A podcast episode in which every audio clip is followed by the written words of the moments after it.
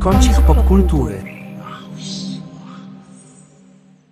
Cześć, e, witam Was w podcaście Kącika Popkultury. Z tej strony Adrian, a dzisiaj jest ze mną także Kamil. Dzień dobry, cześć. Zapytam na rozgrzewkę, jak się miewasz w ogóle? A dobrze się miewam, akurat dzisiaj wyszła nowa płyta tego Hemingwaya, więc rozpocząłem dzień od przesłuchania całego krążka najnowszego jednego z moich ulubionych artystów. No to tak o konkretnie trzeba przesłuchać, także chętnie się e, potem wymienimy spostrzeżeniami, jak już też się dorwę do tej płyty. Dzisiaj razem z Kamilem poza taką redakcyjną rolę wyjdziemy trochę bardziej i odsłonimy swoje e, bardziej artystyczne oblicza, myślę, e, ponieważ oboje mamy za sobą takie pisarskie i wydawnicze doświadczenie. Kamil wydał właśnie swoją nową powieść zatytułowaną Akwarium, o której będziemy rozmawiać.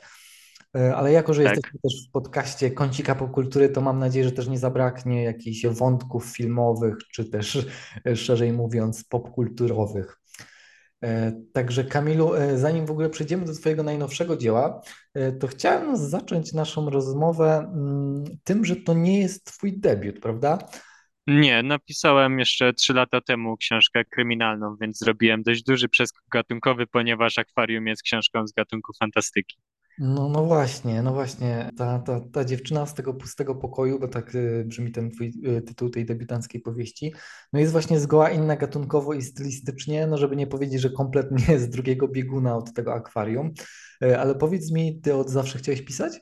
No ja praktycznie od zawsze miałem takie zajawki do pisania.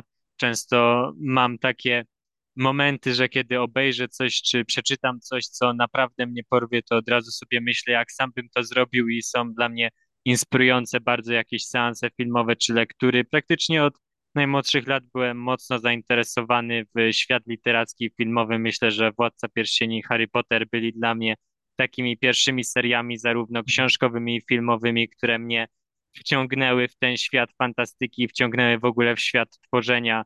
Potem moje zainteresowania przeszły bardziej do Agaty Christie i Stephena Kinga i w sumie ten rozwój moich zainteresowań literackich też wpłynął na to, jak się zmienił na drugi biegun y, moja twórczość, no bo na początku miałem fantastykę, potem jednak zmieniłem to na kryminały i ta dziewczyna z pustego pokoju jest tak naprawdę efektem mojej młodości gimnazjalnej spędzonej na zaczytywaniu się w Agacie Christie i Stephenie Kingu, który też miał właśnie trochę łączył tą fantastykę z kryminałami.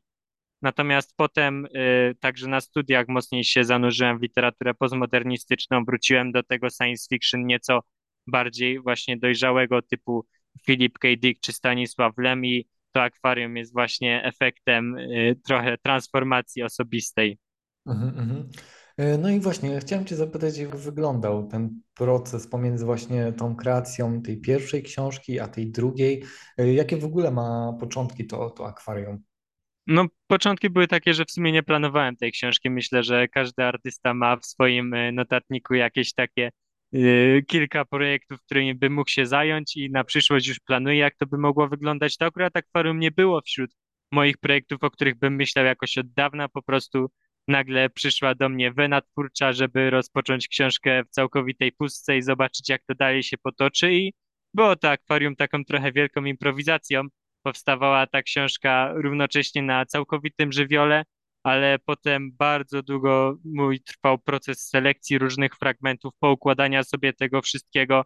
W sumie to akwarium jest takim idealnym połączeniem e, no, chaosu z pewną dozą bardzo systematycznego ułożenia tekstu, który na początku był niepoukładany przez to, że naprawdę oddałem się swojej wenie twórczej. E, no właśnie, bo to akwarium to jest naprawdę taka nietuzinkowa pozycja, głównie właśnie przez to światotwórstwo, no bo świat, który tam e, jest, no on się tworzy tak naprawdę razem z czytelnikami, e, wraz z przewracaniem kolejnych stron. No i właśnie chciałem się zapytać, skąd w ogóle pomysł na coś takiego? tak jak mówiłem, jestem zainteresowany mocno literaturą związaną z fantastyką naukową, no i fantastyka naukowa zawsze w pewien sposób przetwarza otaczający nasz świat, wybiera z niego pewne problemy, pewne zagadnienia, które interesują autora i próbuje go obrócić w pewną metaforykę. Jedną z moich ulubionych książek, myślę, że książką, która zmieniła całkowicie moje życie, dla przykładu była Żyźnia numer 5 Kurta Voneguta. Kurt Vonnegut był pisarzem science fiction, który przeżył II wojnę światową i chciał przetworzyć te swoje doświadczenia wojenne właśnie w literaturę fantastyczną i w ten sposób na przykład zamienił ten syndrom powojenny, że cały czas nas wraca, do nas wracają te przysłowiowe flashbacki z Wietnamu, w tak naprawdę podróże w czasie i to, że człowiek przeżywa świat nielinearnie, że po prostu przeżywa wszystko na raz i to się wszystko łączy. Równocześnie próbował wyjaśnić sens istnienia poprzez spotkanie z przybyszami z obcej planety i spróbował spojrzeć na ludzkość i na kondycję człowieka z zewnątrz tym spojrzeniem międzyplanetarnym. I to mnie bardzo zainspirowało do tego, żeby opowiadać o naszym świecie, równocześnie nie odpowiadając na o naszym świecie, jakby spoza naszego świata. Rozumiem. Czyli tutaj bardziej te literackie inspiracje jakby wiodą prym. A, a czy jakieś filmowe też są? Bo wspominasz tutaj o, o tej czasoprzestrzeni, podróżowanie w czasie. Czy może tutaj jakiś powrót do przyszłości też ci chodził po głowie?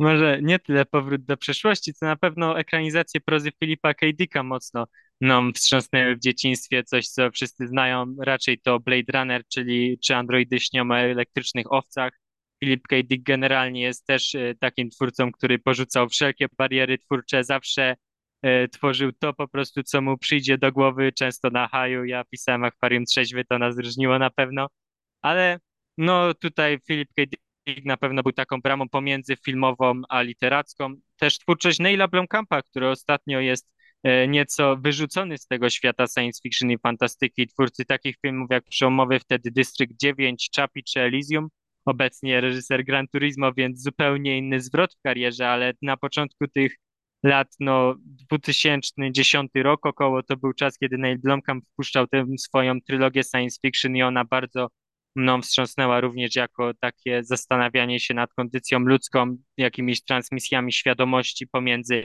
robotycznością, implantami a y, człowiekiem. E, a powiedz mi, bo tutaj no, nie sposób nie wspomnieć o tym, że, e, że domeną akwarium jest fakt, że te ilustracje, które pojawiają się w książce, one są w pełni stworzone przez e, AI, przez sztuczną inteligencję. I chciałem Cię zapytać, dlaczego akurat ta forma? Czy nie myślałeś przez chwilę, żeby na przykład zwrócić się jednak na przykład do rysownika albo do po prostu kogoś, kto mógłby to stworzyć taką, wiesz, ludzką ręką? Więc no, nie jest tajemnicą, że na początku wydawnictwa odrzuciły moją propozycję akwarium, a ja wówczas myślałem sobie, że jeżeli miałbym wydawnictwo, to byłaby duża możliwość, żeby oni się zwróci, zwrócili właśnie do jakiegoś ilustratora, który by się zajął tą książką i od początku, no fajnie było sobie wyobrazić, jak to by wyglądało, zwłaszcza, że właśnie jest to takie światotwórstwo często surrealistycznych, a często niesamowitych rzeczy.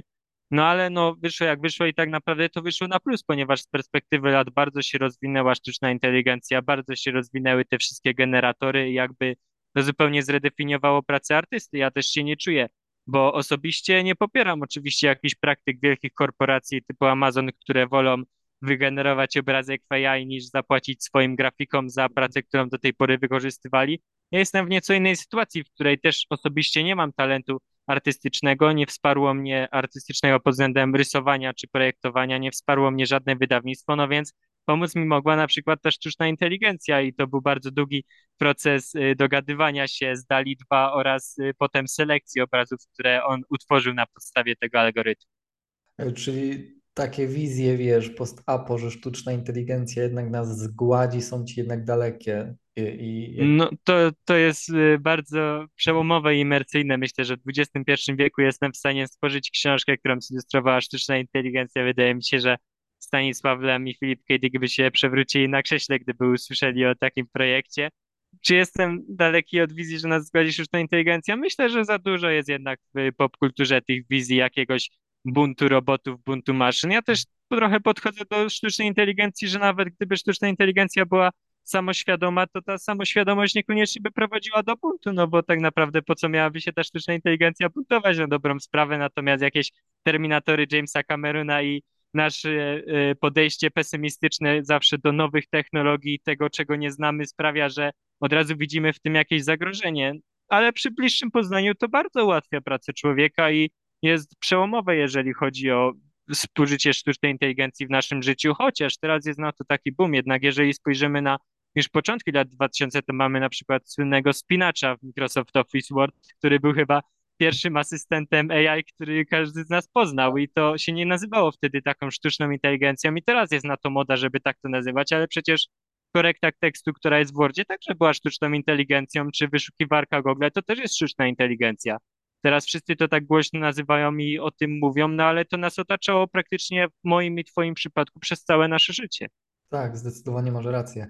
A chciałem jeszcze poruszyć ten wątek, bo mówisz, że akwarium wydałeś sam, bez pomocy wydawnictwa. Powiedz mi, gdzie w ogóle można teraz tą twoją książkę kupić w takim razie?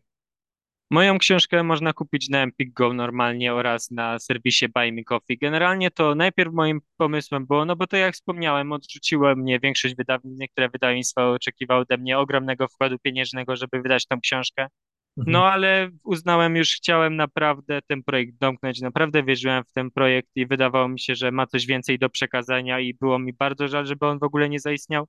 No i tak na początku 2023 roku pomyślałem sobie, że po prostu wrzucę tą książkę na jakąś taką stronę typowo kickstarterową dla artystów, jak właśnie to Buy Me Coffee, gdzie założę swój profil, niech ta książka będzie tam w tym internecie i ktoś może kiedyś ją przeczyta, a tak czy siak to nie będę miał takiego poczucia, no artystycznego zmarnowania całego tego czasu i całej tej weny twórczej, z którą naprawdę byłem mocno zżyty. Natomiast w maju Empik rozpoczął swój program self-publishingowy dla młodych autorów, chyba też w odpowiedzi na to, że wydawnictwa coraz mniej chętnie sięgają po nieznanych twórców i oni dają możliwość obecnie wrzucenia swojej twórczości. Jeżeli ona przejdzie wstępną weryfikację, to jest dostępna normalnie na platformie Empik Go, tak jak książka wydana przez tradycyjne wydawnictwo. Mhm, jasne. E, Wiesz co, no mi jest też bliska ta myśl, e, zresztą o której Ci mówiłem, jak mieliśmy okazję się spotkać, że tak sobie myślę, że, że gdyby J.K. Rowling dzisiaj pisałaby Harry'ego Pottera e, i po tylu odrzuceniach od wydawnictw, to ona by w końcu sama wzięłaby i, i wydałaby sobie tego Harry'ego Pottera. No, zawsze jest dla młodych artystów bardzo budująca ta y, anegdotka na temat J.K. Rowling, która również była odrzucana. Zresztą też z literaturą trochę fantastyczną. Ta fantastyka jakoś jest w niełasce od wydawnictw. Zresztą my żyjemy w kraju Stanisława Lema, na dobrą sprawę w Polsce nigdy Lem nie był aż tak lubiany i czytywany jak w Ameryce. A, a Kamil, powiedz mi, bo oczywiście promocja Twojej książki dopiero się zaczęła, ale czy już w Twojej głowie masz już jakieś po prostu niespożyte pokłady twórcze, które już po prostu piszą swoją kolejną pozycję? No, mi się wydaje, że każdy właśnie e, pisarz ma jakieś tam swoje projekty. Ja się staram obecnie skupić na e, promocji książki. Nie jestem nadal marketingowcem, nadal się czuję w głębi duszy i w głębi serca artystą, ale zależy mi, żeby ta książka jednak nie zniknęła w eterze teraz, żeby ją przeczytało trochę więcej ludzi. No, współpracujemy z Kącikiem Popkultury, jak dobrze wiesz, więc także na tym się bardziej skupiam w moim życiu, no ale myślę, że pewnym momencie znowu przyjdzie ten dzień, kiedy po prostu usiądę do klawiatury i to mnie całkowicie porwie. Okej, no to ja w takim razie życzę Ci nieustannie e, e, weny. A właśnie, chciałem też zapytać, bo interesuje mnie trochę to e, z takiego podejścia też autorskiego. Czy na Ciebie spływa taka mityczna wena, kiedy po prostu, wiesz, siedzisz i nagle taka lampka Ci rozbłyska na, nad głową i nagle wszystko się zaczyna układać w jedno, czy, czy jednak jest, jest Ci obce takie doświadczenie? Było mi obce, póki nie zacząłem pracy nad akwarium, tak całkiem szczerze mówiąc. No, to był taki pierwszy moment, że rzeczywiście zaświeciła mi się lampka i to mnie jakoś porwało, ale zwykle jestem raczej człowiekiem, który dogłębnie planuje profile psychologiczne bohaterów, dogłębnie e, tworzy sobie długo, planuje i rozpisuje jakieś drzewka myśli dotyczące powieści. Przy akwarium też było to o tyle trudne, no bo tak jak mówiliśmy, ta książka rozpoczyna się w całkowicie pustce i świat dopiero powstaje. Więc nie byłem w stanie napisać, tak naprawdę zaplanować historii tych bohaterów, skoro to są zupełnie nowi bohaterowie w zupełnie nowym świecie, więc to była tak ekstremalnie eksperymentalna praca nad powieścią. E, No dobra, Kamil, no ty wiesz, no mi nie pozostaje nic innego, jak po prostu trzymać kciuki za, za, za, za dalszą promocję tego akwarium i mam nadzieję, że e, po prostu tym wydawnictwom, które cię odrzuciły, będzie niebawem łyso, e, bo będziesz po prostu się gdzieś spinał i, i na lubimy czytać, po prostu będzie zalew pozytywnych opinii i Tak, tak. Wszystkich, którzy będą czytali książkę, zapraszam do wystawiania opinii, bo no, to jest wizytówka pisarza i czekam na wszystkie feedbacki, jakie tylko mogą być na temat powieści. Także no ja po prostu no, życzę Ci teraz samych wywiadów, jeszcze więcej podcastów i, i niech się po prostu niesie, niech wszyscy y, się zanurzą w akwarium. Tak. Wiesz, jakiego pisarza jeszcze można znaleźć na Lubimy Czytać? No, dawaj. Adriana Matuszkiewicza. Wow. No i no, szanowni słuchacze, niewolnik nostalgii Adrian Matuszkiewicz we własnej osobie dzisiaj ze mną rozmawia, więc to nawet nie jest tyle wywiad ze mną, co po prostu rozmowa poety z pisarzem, mimo że na początek tego, jak cię już zagadałem o twoją książkę, pozwolę sobie przeczytać dedykację w twojej książce. Nie, aż się chyba zaraz zarumienię. Dla wszystkich, którzy sypiałem z zaciśniętymi pięściami, desperacko próbując tamować przepływające przez palce życie. Piękne zdanie. Świetny pomysł na rozpoczęcie książki, moim zdaniem jest to w ogóle. No i powiedz mi, czy udało ci się po tych dwóch latach y, zatamować przepływające przez palce życie? Skąd w ogóle ta dedykacja? Hmm, jakby to powiedzieć? Wiesz co, ten niewolnik nostalgii jawi mi się trochę jako taka, wiesz, e, choroba wieku. E, w tym przypadku takie 25 lat, e, bo tyle miałem, kiedy ją po prostu napisałem i, i wydałem. No i wiesz co, no z perspektywy tych dwóch lat, no mam takie spostrzeżenie, że to jest trochę taka forma takiego pamiętnikarstwa mimo wszystko. No jakiś obraz emocjonalny, psychiczny młodego człowieka z, z jakiegoś konkretnego okresu czasu. E, tutaj w tym przypadku akurat ta, ten tom powstawał w czasie pandemii, więc tutaj różne emocje też związane e, z tym prze, przebijają. I mam taką myśl i w sumie też nadzieję jednocześnie, że ta autentyczność e, trochę zakonserwuje te myśli, które tam z siebie przelałem i, i może tak szybko się nie przykryje kurzem. Mówiłeś, że ta książka powstawała w czasie pandemii, czyli tak jak byłeś niewolnikiem nostalgii, to byłeś wtedy niewolnikiem domu i może ta napisanie tomiku poetyckiego było dla ciebie taką ucieczką od tej codzienności, taką autoterapią. Wiesz, to ciekawe porównanie z tym niewolnikiem, podoba mi się. E, wiesz co, to jest hmm, ciekawy temat, znaczy ciekawy, nieciekawy. No na pewno nie można nie wspomnieć, że po prostu no, okres tej pandemii to jest też taki okres, kiedy naprawdę no, wszyscy byliśmy zamknięci i trochę też um, pozostawieni sami sobą, ze swoimi myślami. E, więc ja też zostałem zamknięty ze swoimi myślami, nie, nie zawsze fajnymi, nie zawsze przy, przyjemnymi, więc musiałem się trochę z tym konfrontować.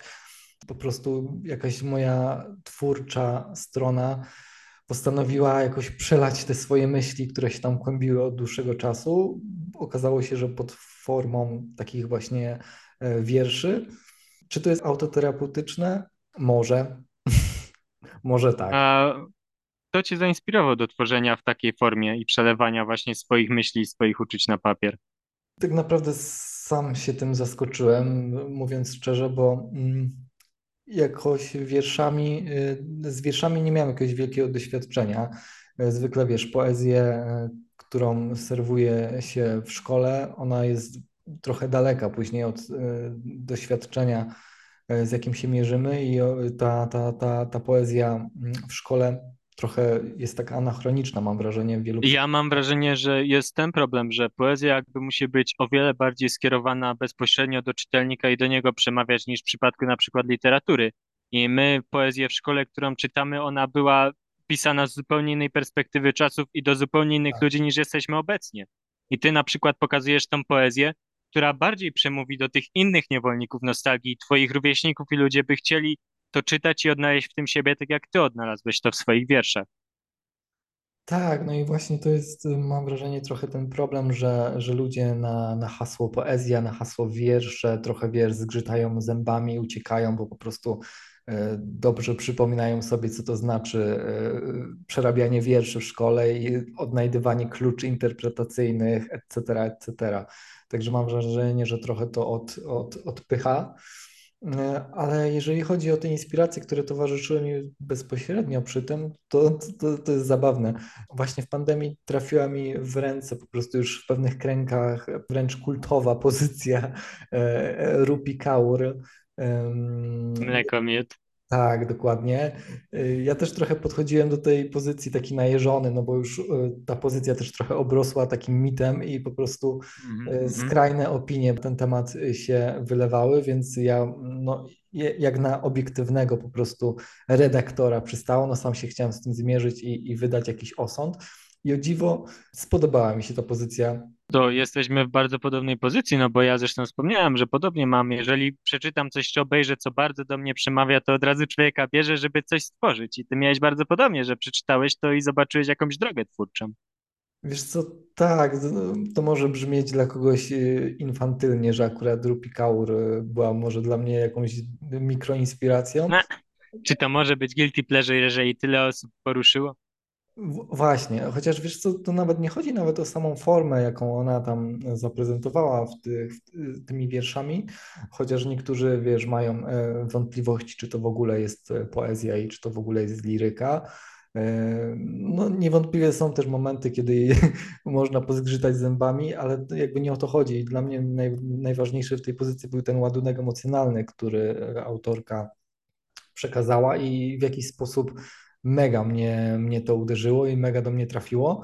I właśnie za tą Rupi Kaur po prostu sięgnąłem dalej i tym sposobem trafiłem na przykład na e, pozycję Andrzeja Kotańskiego, wiersza o moim psychiatrze, e, który ta pozycja jest dla mnie fenomenalna i strasznie się w niej zaczytywałem właśnie przez długi czas.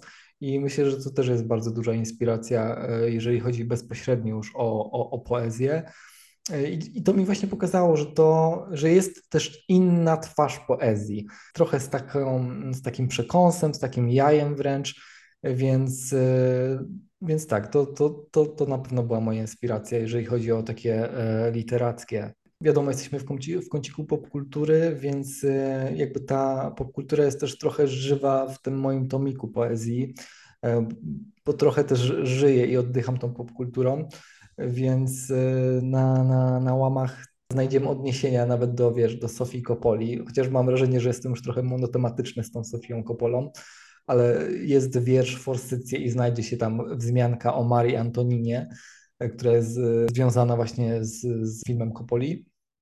Na pewno jakąś tam inspiracją też był mm, Lars von Trier i jego melancholia, no bo jednak ten, e, ten, ten tomik jest skąpany tam w jakiejś melancholii. E, ale no, e, znajdziemy jeszcze oczywiście nawet Eltona Johna. E, na, Lady na... Gaga, także tak, natrafiłem.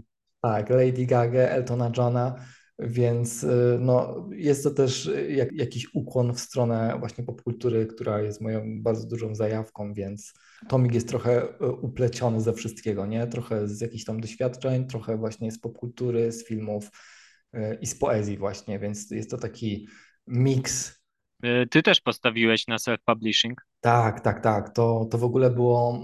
Ja nawet nie obieram innej drogi, powiem ci szczerze. Nawet nie brałeś pod uwagę, no bo też rynek wydawniczy w Polsce, jeżeli chodzi o poezję, jest dosyć jeszcze trudniejszy niż jeżeli chodzi o prozę, prawda? Tak, e, wiesz, y, właśnie o to chodzi. Jeżeli chodzi o poezję, to już wiedziałem, że jakby no, nie mam szans e, po prostu być poczytnym e, autorem. Moja e, książka nie ma szans wylądować na liście bestsellerów Empika, bo na dobrą sprawę Empik chyba nie ma nawet takiej pozycji jak poezja w swojej księgarni. Więc musiałem odrzucić tą myśl, że po prostu będę drugim Remigiuszem Mrozem poezji. Mhm. Więc pomyślałem, że skoro tak, to ja chcę to zrobić zupełnie po swojemu. E, ponieważ mam wrażenie, że e, ja też niestety jestem, niestety, niestety jestem też trochę takim control freakiem, może, a może nawet bywałem, bo, bo, nie wiem, czy, czy, czy jeszcze jestem, bo trochę staram się ujarzmić jednak tą, tą stronę tego e, control freaka, tego perfekcjonisty, ale pomyślałem, że skoro chcę to, e, chcę, żeby to była moja pierwsza książka, chcę, żeby to był mój debiut, to chcę, żeby on wyglądał tak, jak ja chcę. A mam takie wrażenie, może niesłuszne, ale wydawnictwo, jeżeli jakiekolwiek chciałoby już to wydać, to czułbym się trochę ograniczony. A w tym przypadku jakby odpowiadałem za wszystko, bo nie dość, że napisałem książkę, e, to stworzyłem ilustrację do tej książki, stworzyłem też samą okładkę, postanowiłem nawet sam poskładać tą książkę, więc jedynym elementem, który, którego nie byłem świadkiem tak naocznie i który nie, nie sprawowałem e, pieczy, e, to było już jakby druk samej książki. Chociaż mhm. drukarnię też jakby wybrałem sam, łącznie z grubością papieru, rodzajem papieru.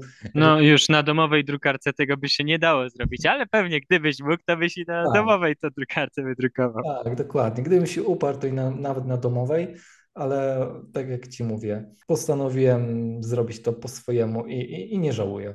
No właśnie chciałem ci zagadać o tej ilustracji, o której wspomniałeś, no bo twoja książka także ma ilustrację. No i jak powstał pomysł na tej ilustracji? Czy od razu sobie wyobrażałeś, że te poematy wzbogacisz o te kilka ilustracji, czy w tych ilustracjach też w pewien sposób wyrażałeś siebie? Te ilustracje generalnie chyba zwiastują kolejne części twojego tomiku poetyckiego.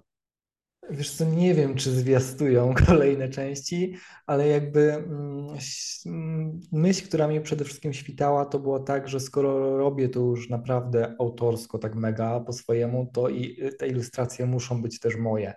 Więc y, no nie było innego wyjścia, żeby po prostu y, usiąść nad płótnem, bo to wszystkie są malowane ilustracje i po prostu coś na baz grać i, i i myślę, że nie wyszło to wcale najgorzej. E, Niewolnik nostalgii był jednorazowym zerwaniem kajdanów, czy poeta Adrian Matuszkiewicz jeszcze czymś nas zaskoczy? Wiesz co, nie chcę jakby się tutaj dużo zdradzać, E, natomiast mm, na pewno są jakieś moje myśli w głowie, które może nawet w niektórych miejscach się, już zma- zmaterializowały pod postacią jakichś słów. E, Nie jestem pewien, czy to będzie w przyszłości jeszcze poezja. Nie mówię tak, nie mówię nie, ale chętnie chciałbym e, Chciałbym pójść na randkę z innymi formami e, literackimi i z innymi gatunkami i trochę się pobawić, trochę poeksperymentować jak ty. No to ja mam nadzieję, że randka będzie bardzo udana. Akwarium jest y, generalnie książką z gatunku fantastyki i opowiada o tworzeniu alternatywnego świata. Łączy w niej fantasy z science fiction oraz utopię z dystopią. Jest tam dużo namysłu nad sensem życia, istnienia jakichś postmodernistycznych zabaw. Jest to książka, którą napisałem przede wszystkim zastanawiając się nad tym, co jest nie tak z naszym światem i dochodząc do wniosku, że z naszym światem od samego początku jest coś nie tak, ale tylko człowiek ma możliwość i ma sprawczość pogorszenia albo polepszenia tego, co się z naszym światem dzieje i zapraszając czytelnika do akwarium, zapraszam go właśnie do zastanowienia się nad kondycją ludzką, sytuacją naszej planety, dylematem istnienia i myślę, że to jest książka, która naprawdę się wyróżnia na tle rynku wydawniczego. Pewnie każdy autor by chciał tak mówić i by tak mówił, że jego książka jest wyjątkowa pod każdym względem, ale no naprawdę myślę, że jest to taki eksperyment literacki, który zaskakuje zarówno pod względem treści, jak i formy. No to wiesz, no nie pozostaje nic innego, jak po prostu zachęcić wszystkich słuchaczy podcastu Kącika Popkultury, żeby lecieli po akwarium i, i, i, I płynęli z tym. i dawali znać, y, jak im się pływało w akwarium. Tak. No to co? No to w takim razie dziękuję Ci, Kamil, za dzisiejszą rozmowę. Ja dziękuję bardzo, Adrian. Także dziękujemy też słuchaczom, no i mam nadzieję, słyszymy się w kolejnych podcastach. Tak, do usłyszenia. Do usłyszenia, cześć.